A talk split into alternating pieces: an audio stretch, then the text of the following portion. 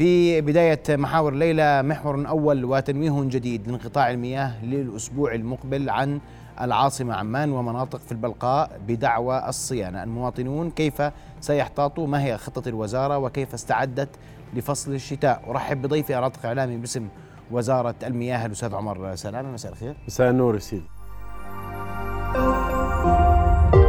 رؤيا بودكاست. قبل الخوض نتابع وإياكم آراء مواطنين بانقطاعات المياه. والله المي قلت لك بتصلنا قبل آه، أسبوعين كانت على طول منتظمة من زمان. آه، لها أسبوع كامل انقطعت. فالناس جابت تنكات. وبتعرف ظروف الناس كيف وهذا صعب جدا. الأسبوع الماضي كانت مقطوعة وعبينا تنكات آه، ميه وهذا الأسبوع الجاي. الشهر بالذات هذا يعني تقريبا معظم الأحياء بالمنطقة سويلة حي الحي الشرقي مقطوعة. يعني أقول لك الناس كثير عبت مي بالسهاريج والهاي وطالعة ونازلة يعني. كثير عم تعاني الناس. من فترة بسيطة بس. وصرنا نحتاط من بالمية ونشتري تنكات. والآن انقطعت فترة وشرينا تنكات. آه عانينا. الأسبوع الماضي. آه، انقطعت عنا المياه بس ما حد حذرنا يعني. آه، إحنا رنينا على الشركات. وبعدين حكوا لنا إنه في مشكلة صارت وبدكم يومين ثلاث حتى تنحل وإن شاء الله بتيجي. طبعا كل الأردن بتعاني وإحنا أكثر الناس بنعاني. يعني منطقة الكمالية كثير بنعاني من المي. والمي عندنا شحيحة يعني كل أسبوع كل دورتين كل دورة لما تيجي مرة. والله كثير. إحنا مسكان صويلح خاصة الحي الشرقي عندنا آه، أكثر شيء بنعاني فيه إنه عدم وصول المياه للطوابق العالية. وضخ المية مش قوي كثير في الفترة هاي الكل حتى أهالي صويلح كاملة بيعانوا من هاي المشكلة. أستاذ عمر مساء الخير مرة أخرى. النور سيدي. نوهتوا لانقطاع جديد. نعم صحيح. أي مناطق وليش؟ أول شيء سيدي مسيك بالخير ومسي مشاهدينا الكرام وفي هذا اليوم الطيب المبارك اللي احتفلت الأمة العربية بفوز الشقيقه العربيه السعوديه على منتخب الأرجنتين. هذا فوز لكل العرب. بنبارك لأنفسنا ولأخواننا وأهلنا في المملكة العربية السعودية. الله يبارك فيك يا سيدي. آه هذا اولا. ثانيا إحنا يا سيدي موضوع المي آه بتعرف إحنا عندنا صيانة دورية لمرافق المياه. نختار أوقات الطلب المنخفض في الشتاء اللي هي زي هذه الأوقات حتى نقوم بصيانة منظومات المياه. فعملنا توقف أول مرة قبل أسبوع أو أسبوعين آه، اللي هو لمحطة مياه زي المرحلة الأولى لأنه في مشروع لمحطة مياه زي لتحديث هذه المضخات وتطويرها. صار لها 20 سنة. تعرف مضخات قدمت وشغالة 24 ساعة. فبحاجة إلى الاستبدال وصارت تستهلك كهرباء بكميات. كبيرة فبالتالي ضمن مشروع ممول من الحكومة اليابانية مشكورة جايكا آه، في قيمة 22 مليون و9 بالعشرة مليون دولار 17 مليون دينار أردني تقريبا. آه، هذا المشروع يهدف إلى استبدال المضخات حوالي 15 مضخة أو 18 و15 مولد كهربائي إضافة إلى ست مضخات رئيسية على قناة الملك عبد الله وقفنا استبدلنا الجزء الأول المرحلة الأولى الأسبوع الماضي وكان لذلك كان التوقف اللي أشار إليه الإخوان آه، في اللقاء اللي ورد على شاشة الرؤيا قبل قليل. الآن إحنا حتى ما يصير في ضرر كبير على توقف الضخ قسمنا هذا التوقفات. الآن وقفنا أول مرة. الآن راح نوقف الأسبوع القادم المرحلة الثانية. فالآن التوقف اللي هو بيبدأ صباح الأحد ليوم السبت الذي يليه. راح أول اربعه أيام الأحد الاثنين الثلاثاء الاربعاء سنبدأ آه، بعمل صيانة وقائية لمنظومة مياه الديسي. بتعرف هاي المنظومة بتشتغل بأوقات السنة طوال السنة وبالتالي في ضغط عليها. لا سمح الله أي تعطل بهذه المصدر بيأثر على التزويد المائي. إضافة إلى إنه إحنا نوقف مصدرين رئيسيات زي زي آه، اللي بتزود حوالي 38% من حصة مياه العاصمة وبتزود حوالي 65% أو 70% من حصة مياه البلقاء. التوقف راح يكون على الزرقاء والبلقاء والعاصمة عمان مناطق في هذه المحافظات. آه، بنخلص أول أربع أيام منظومة مياه الديسي بعد ذلك نبدأ بتركيب المضخات للمرحلة الثانية لزي حتى نستبدلها ونستكمل عملية آه، تحويلها لمضخات جديدة موفرة للطاقة. راح هذا راح يوفر على وزارة المياه سنويا حوالي مليون وسبعمائة ألف دينار من فاتورة الكهرباء تبعت محطة مياه زي. آه، وهناك توقف آخر بهديش احكي عنه مباشرة. لا بدك تحكيني بنهاية شهر 12 رح يكون في توقف آخر لعدة أيام أيضا لمحطة مياه زي حتى نستكمل جميع مراحل تغيير المضخات في محطة مياه زي. فهذه هو يعني إحنا لسه أمام توقف ثالث؟ بس لمحطة مياه زي. آه 12 ما إن إيه؟ شاء الله بنحاول يكون ضرره قليل وتأثيراته على المناطق محدودة.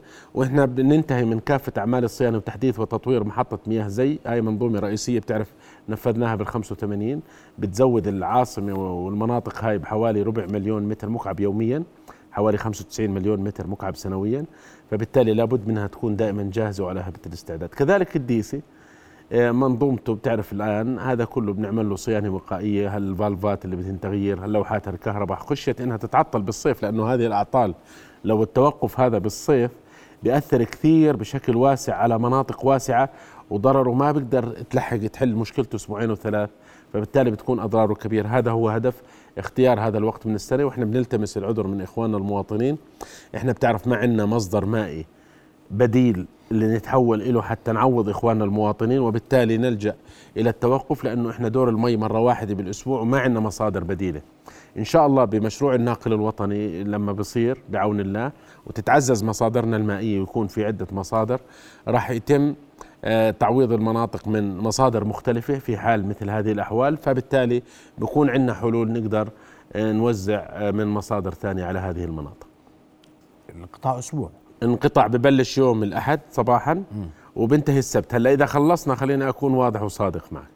إذا خلصنا شغلنا آه، يعني إحنا رح يعملوا الشباب المهندسين وشركة مياهنا الله يعطيهم العافية آه، مثل ما صار في تعليمات مع الوزير والرئيس التنفيذي لمياهنا والشباب بدهم يشتغلوا على مدار الساعة مع الشركة مياه الديسي ديواكو وكذلك محطة مياه زي يعني ما راح يكون في توقف بالنهار وبالليل راح يشتغلوا 24 ساعة حتى نحاول نخلص هذا الصيانة خلال وقت قصير. فممكن نكسب يوم زيادة فإن شاء الله هي بترجع صباح السبت. احتمال إنه نخلص قبل بيوم ترجع الأمور لطبيعتها فهلأ بنخلص الديسي قلت لك أحد اثنين ثلاثة أربعة.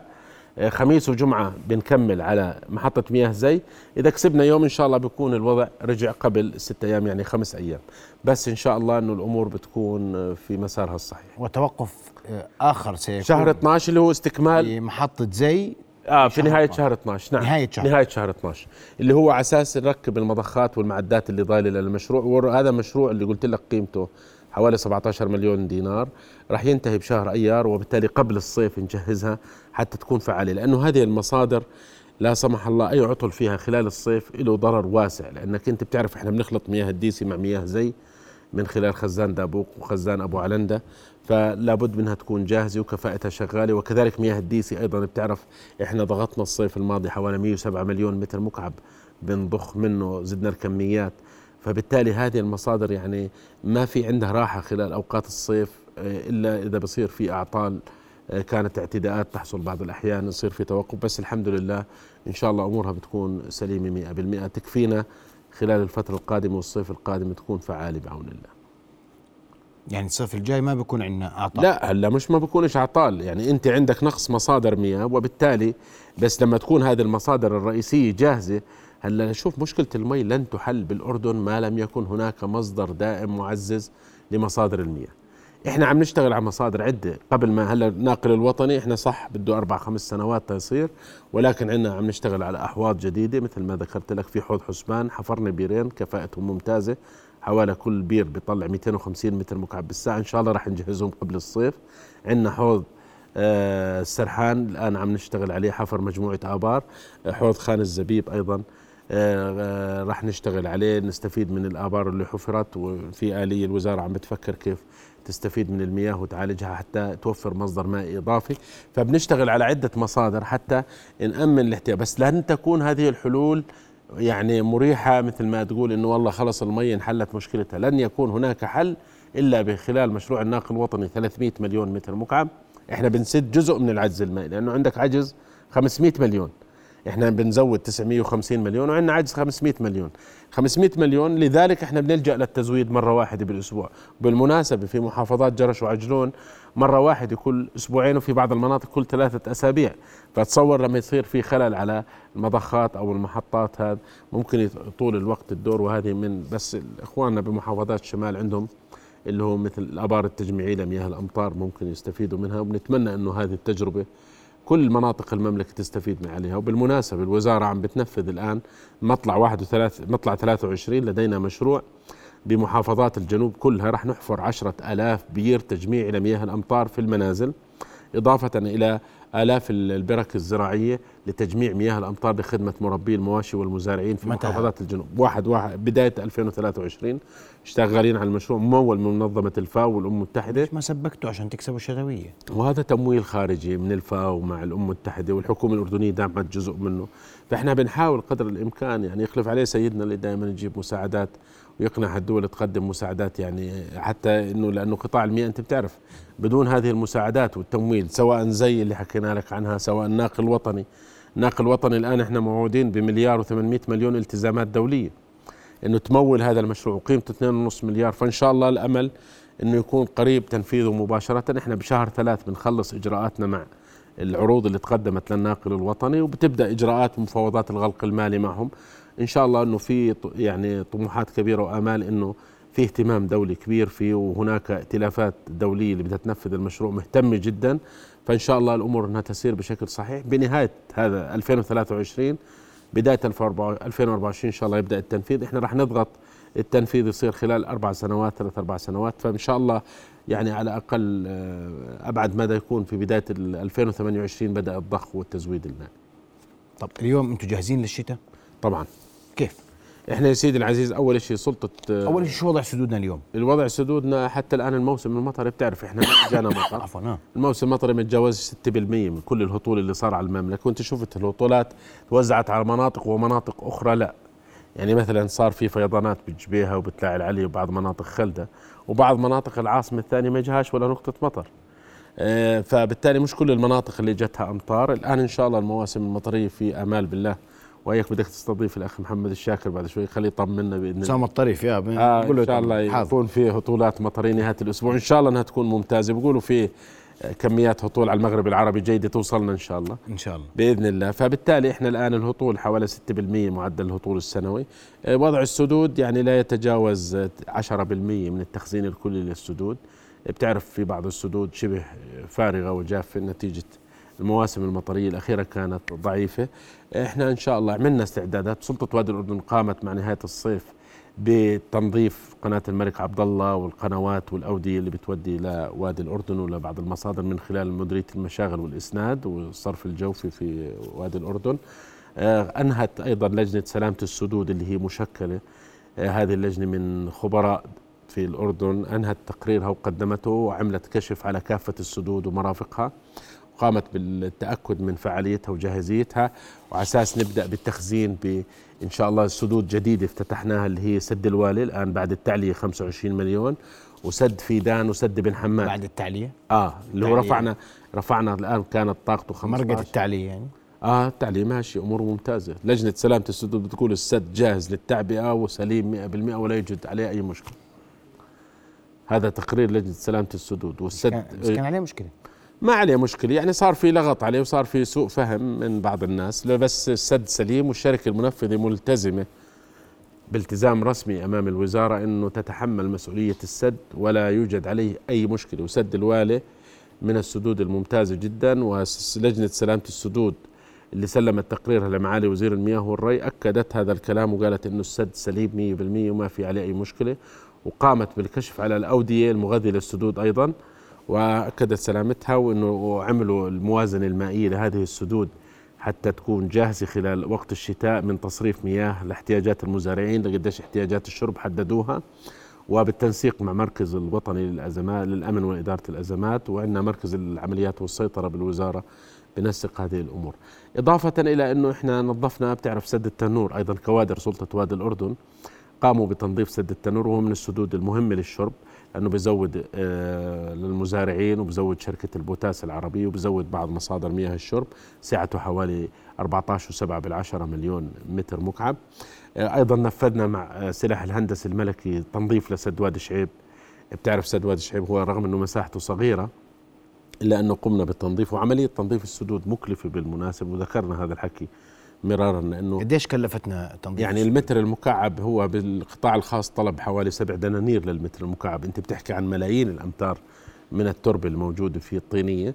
آه، يعني كان سعر رمزي من سلاح الهندسة الملكي تم التفاهم عليه وإن شاء الله إنه راح تزيد سعته خلال هاي الفترة بكميات بسيطة. أيضا نظفنا سد الموجب بكميات جيدة مع أيضا مع سلاح الهندسة الملكي وقمنا بتنظيف هذا السد واستكملنا أعماله. وقمنا بالكشف عليه وأيضا اللجنة الملك الوطنيه لسلامة السدود أكدت سلامته.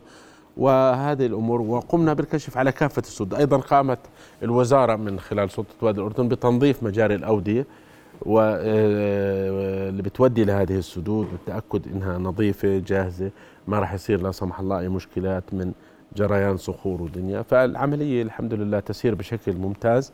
وافتتحنا مجموعة من الحفائر الجديدة بالمناسبة لأنه إحنا عم بننفذ خلال العام القادم راح ننفذ حوالي 15 حفيرة الآن شغالين عليها ونفذنا حوالي 10 حفائر جديدة وعندنا إحنا الآن نتحدث عن حوالي 420 حفيرة بالأردن سد صحراوي بسميها سعاتها مختلفة بتراوح من خمسين ألف مئة ألف مئتين ألف وفي بعضها مليون ومليون ونص وهذه ممتازة جدا لتغذية المياه الجوفية وإن شاء الله الأمل بالله أنه تكون الهطولات المطرية ممتازة حتى تتعبى هذه الحفائر. وبالمناسبة بعض الفيضانات اللي إجت على المناطق الصحراوية بعض هذه الحفائر جاها كميات مياه جيدة ولكن هذا بتعرف أخي محمد ما بنعكس مباشرة على التزويد المائي. أنت عندك وضع مائي والسدود والمياه الجوفية أحواض جوفية تراجعت ضخ الجائر إحنا بنضخ كميات مضاعفة من هذه الأحواض. فوضعنا المائي بحاجة إلى أنه يعني إجراءات وفعالية أكثر وبده تمويل أيضا يعني بالرغم أنه مشكور المجتمع الدولي بجهود جلالة الملك الله يطول عمره في دعم لقطاع المياه هائل بيجي دائما وكلفة المشاريع بقطاع المياه مكلفة. أنت بتحكي عن أي سد بكلفك 40 ل 50 مليون دينار. أي مرفق مائي وسط الصرف الصحي بتكلف الخزينة حوالي 12 ألف دينار. وسطة شبكة المياه حنفية بس توصل بدها 8000 دينار. آه كلفة متر عيد لي اياهم والله سمحت هذول. وسطة الصرف الصحي بتكلف خزينة الدولة اللي هي على وزارة المياه والري 12 ألف دينار. طبعا كيف هلا بقول لك 12 ألف؟ محطات الصرف الصحي محطات الرفع الخطوط الناقلة الخطوط وصلة الصرف الصحي الواحد 12 لكل عقار بتوصل الدولة لكل عقار صرف صحي كلفته على خزينة الدولة 12 ألف دينار. كويس. آه. وشبكة المياه كلفتها لا تقل عن 8000 دينار. بين محطات الآبار شبكة المياه قصدك بدي أوصل له حنفية مي. بس حوصل له حنفية مي. هذا 8000 كلفته على الدولة أقل أقل شيء 8000 دينار. مم. لأنه أنت هذا بده بير يحفر ومضخات وتطلع المي من باطن الأرض وبده محطات معالجة ومحطات ضخ وخزانات وشبكات فرعية وتوزيع. هذا لا لا أكلنا ولا شربنا لسه. لا حكينا كهرباء ولا دفعنا لا دفعنا أجار الموظفين ولا حدا قال في اعتداء على خط يعني هي كلفة ما أنت بتقول لي الكلفة الكلفة هذه الكلفة التقريبية. لكل يعني معناته دافعين من رواتب ودافعين هي كلفه المنشآت والمعدات اللي بتصير على هذا الموضوع. طبعا. هذا يضاف لها كلفة آه الموظفين محطات الصرف الصحي مكلفة جدا يعني أنت بتتحدث عن أقل محطة زيها زي السدود. لأنه مرافق المي كلفتها بقى إذا بتزور محطة صرف صحي أنت بتشوف يعني بتفوت عليها فيها اللي هي بحيرات صناعية كبيرة ضخمة بتقوم من خلال أجهزة ميكانيكية بتحرك هاي المي ومراوح ودنيا وبتشفط الغاز منها وبعدين بتعزل اللي هي الحمقة عنها وبعدين بتيجي بتفوت على خزانات بتشفط الغاز حتى تولد زي الخرب السمراء على سبيل المثال. غاز الميثان بتشفطه وبتشغل 80% من محطة الخرب السمراء فهذه كلف يعني بالنهاية تحتاج إلى إدامتها وصيانتها. ويعني قطاع المياه يعني الدولة بتدعمه سنويا بالمناسبة بدل فرق أسعار الكهرباء حوالي ربع مليار دينار سنويا. أساس يظل قطاع المياه يستطيع الوفاء بالتزويد المائي وإنه لأنه هو الناس بتقولوا بتقولوا أخذتوا شيء بدكم تخلوا الفاتورة الشهرية بتعوضوهم هذول الفاتوره الشهرية بالعكس إحنا الفاتورة الشهرية سيدي العزيز هي كانت كل ثلاثة شهور. مقطوعية المياه واضحة فيها الآن راح تقسم على ثلاثة شهور. كنت تستهلك مثلا كل ثلاثة أشهر 25 ليرة قسمين على ثلاث شهور. كنت تستهلك 15 دينار قسمين على ثلاث شهور. لن يكون في هناك أي تعديل. هلأ اللي بزيد استهلاكه بده تزيد فاتورته. هذا شيء طبيعي. بس إذا بتقل فاتورتك راح تقل فاتورتك. قديش بتدفعني ثابت أنت على الفاتورة؟ الثابت راح يقسم على ثلاثة شهور. المبلغ الثابت على الفاتورة طب شو مستفيدين لما قسمتوها؟ إحنا قسمناها لأنه أنا بحكي لك لأنه الجباية والتسديد ما في حدا بيسدد. يعني إذا بدي أذكر لك ارقام في حدا بيسدد؟ هاي والله. هاي جديدة بدي أذكر لك ارقام هاي جديدة يا عمر. يعني بعد إذنك بس. آه تفضل تفضل. يعني أنت بتحكي مثلا علينا مثلا شوف شوف شو مستحقاتنا على المواطنين. إحنا إلنا مستحقات على المواطنين مثلا بالعاصمة لحالها لشهر تسعة حوالي 45 مليون دينار. الزرقاء حوالي 21 مليون. كمل. السلط 7 ملايين عين الباشا 7 ملايين. يعني بتحكي عن أرقام قديش المجموع؟ المجموع آه، حوالي 200 مليون. مستحق في حدا أكثر من العاصمة عليه؟ آه في. مين؟ سميهم. يعني في مناطق في مناطق عليه قول لي. يعني بدنا إحنا لا لا ما انت حكيت أنا حكيت هي لا العاصمة أكثر شيء. لا. الزرقاء 21 آه. باقي المناطق مثلا تحكي عن العقبة 15 مليون. العقبة؟ الكرك 16 مليون أو 17 آه. الطفيلة حوالي 8 مليون. آه. معان 4 13 و7 بالعشرة. يعني في التزامات. هلا إحنا اربد قديش عليها؟ اربد يا سيدي 14 ونص. ففي مستحقات على المحافظة مجموع المستحقات آه 200 مليون تقريبا. هلا مقدرين ظروف الناس. حوالي 205 مليون. نعم. 205 مليون. عمان مياهنا لحالها اللي هي عمان والزرقاء ومادبة آه 80 مليون. يعني هلا هذا الكلام وزارة المياه بدها توصل هذه الخدمات للمواطنين. طب الشهري شو بتفرق معكم بس أكون فاهم؟ سيدي العزيز. بتدفعش ها؟ اللي بتدفعش بتدفعش الشهري ما راح تفرق معنا. إحنا بتفرق معنا إنه بصير في تحصيلات لقطاع المياه والتزام وتخفيف على المواطن لأنه تراكم المبلغ المبالغ لما واحد يجي فاتورة 60 دينار 70 دينار وكل ثلاثة شهور بتهاون بتسديد هلا لما بتصير شهرية زي فاتورة الكهرباء. وهناك إن شاء الله في المستقبل عم بنحاول إنه ندمج بدال ما إنه حتى نخفف الكلف.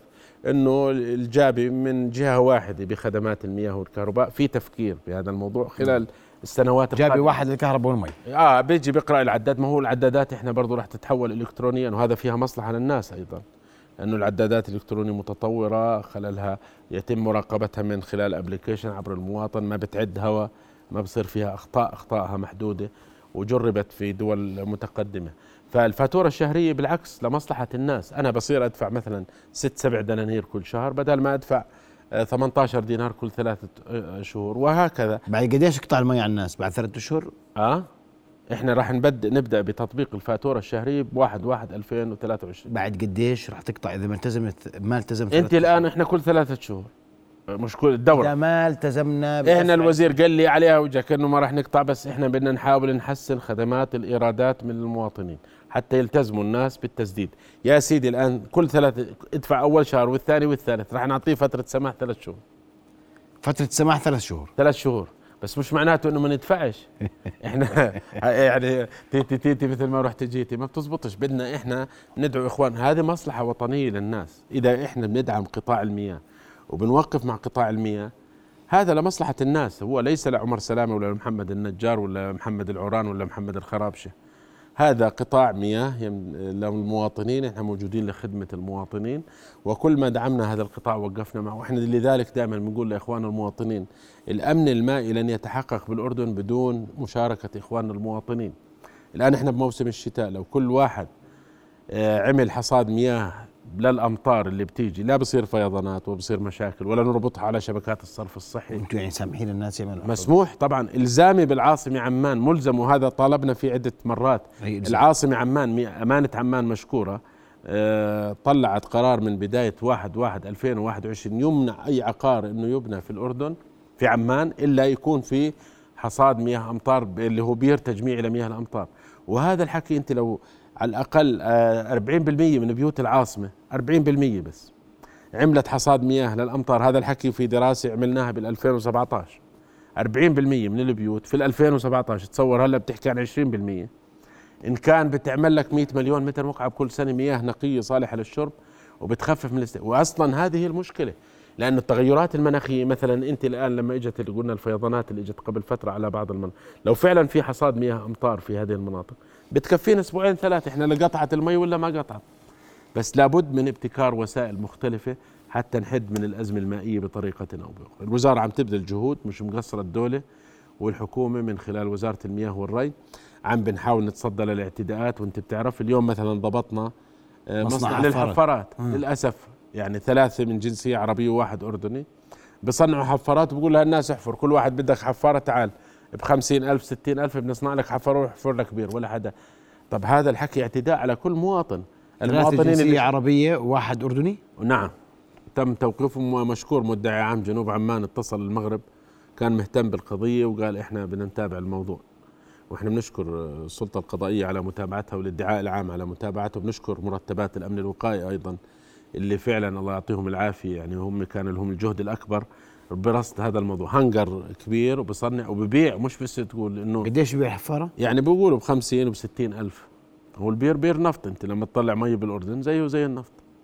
عمليا أنت اللي عند بير المي بير مهم. يعني لما بتبيع لك باليوم 2000 3000 دينار يعني شغلة مش سهلة. البير ببيع ب 2000 آه في ناس ببيعوا أكثر من هذا. ولا ليش مرات في اعتداءات؟ يعني أنت في ناس بتحبسوا حبسنا بعض الناس. عدة فترات وقلنا له بدك تدفع غرامة 30 دفع الغرامة وقال أنا بتحمل سجن قد ما بدك بل لأنه هذه فيها فائدة فبالتالي يجب أن تكون العقوبات رادعة بحق هؤلاء المخالفين. واشكر كل مواطن ومواطنة شريف بيتصلوا فينا اللي هم فعلا الركيزة الأساسية بالإبلاغ عن هذه الاعتداءات حقيقة. طيب أنا كويس توصيفك بير المي بير نفط. آه طبعا لأنه المي الآن أنت بتعرف لو يعني يبيع له باليوم 1000 2000 دينار كل يوم هذا شغلة مربحة. فبالتالي إذا ما حافظنا على هذه المياه الجوفية لأنه إحنا ليش بدنا ننظم عملية حفر الآبار المياه, أحواضنا الجوفية عم بتعاني من استنزاف شديد. أنت بتحكي الحوض بالعالم رحنا على ألمانيا مرة قالوا إذا بنزل الحوض متر كل 20 سنة بوقف الضخ من الحوض. إحنا سنويا قاعد الحوض بنزل 20 متر و5 متر و10 متر و100 متر بعض الأحواض نزلت حوض عمان الزرقاء نازل أكثر من 100 متر. بمعنى إنه الخزان الجوفي في باطن الأرض نزل 100 متر ما ضلش فيه مي. راح تتملح المي وبالتالي راح تبطل في مي تصلح للاستهلاك لأنه ما فيها تغذية من الأمطار وهذا وضع. إضافة إلى التوسعات العمرانية أخي محمد. يعني أنت هذه المناطق اللي كانت مناطق زراعية وتستقبل مياه الأمطار ويكون فيها زراعة وتغذي المياه الجوفية وفيها البيئة كانت الآن صارت كلها عقارات. وبالتالي إحنا بنشهد هذه الفيضانات اللي بتشوف في بعض المناطق وهي لها تأثيرات سلبية. إحنا غيرنا من ديموغرافية وجيولوجيه الأرض بطريقة مرعبة. فلا بد من التنبه لمثل هذه الأمور. كويس. بدي أشكرك كل الشكر أستاذ عمر سلامة. تحدثت عن انقطاعات المياه لماذا؟ آه، أربع أيام إلى خمس أيام إلى ست أيام بحد أقصى. آه، هناك أيضا آه، تعطل لشبكة المياه أو تعطيل لشبكة المياه نهاية شهر 12 لاستكمال إجراءات محطة زي. التي ينتهي العمل فيها قبل شهر أيار المقبل. عدلني إذا بحكي تكون منتهية 100% نعم. بإذن الله. كلفه وصله صرف صحي واحدة على الدولة 12000 دينار شبكة المياه 8000 دينار يعني حنفيه المي وبير المياه بير نفط وبدل اسعار آه، الكهرباء ربع مليون دينار و205 مليون دينار. مستحقات لوزارة المياه على المواطنين. شكرا لك شكرا سيدي شكرا, شكرا لإخواننا المواطنين. نتمنى لكم التوفيق وإن شاء الله يكون نتمنى يتفهموا هذه الظروف وشكرا لتعاونهم والله يعطيهم العافية. و... ويعني إن شاء الله إنه في هناك جهود تبذل ومشاريع إن شاء الله سنلمس أثرها بالقريب تكون تنعكس على تحسين واقع المياه إن شاء الله. شكرا لك مرة أخرى عمر سلام. الناطق باسم وزارة آه، المياه. شكرا جزيلا شكرا رؤيا بودكاست.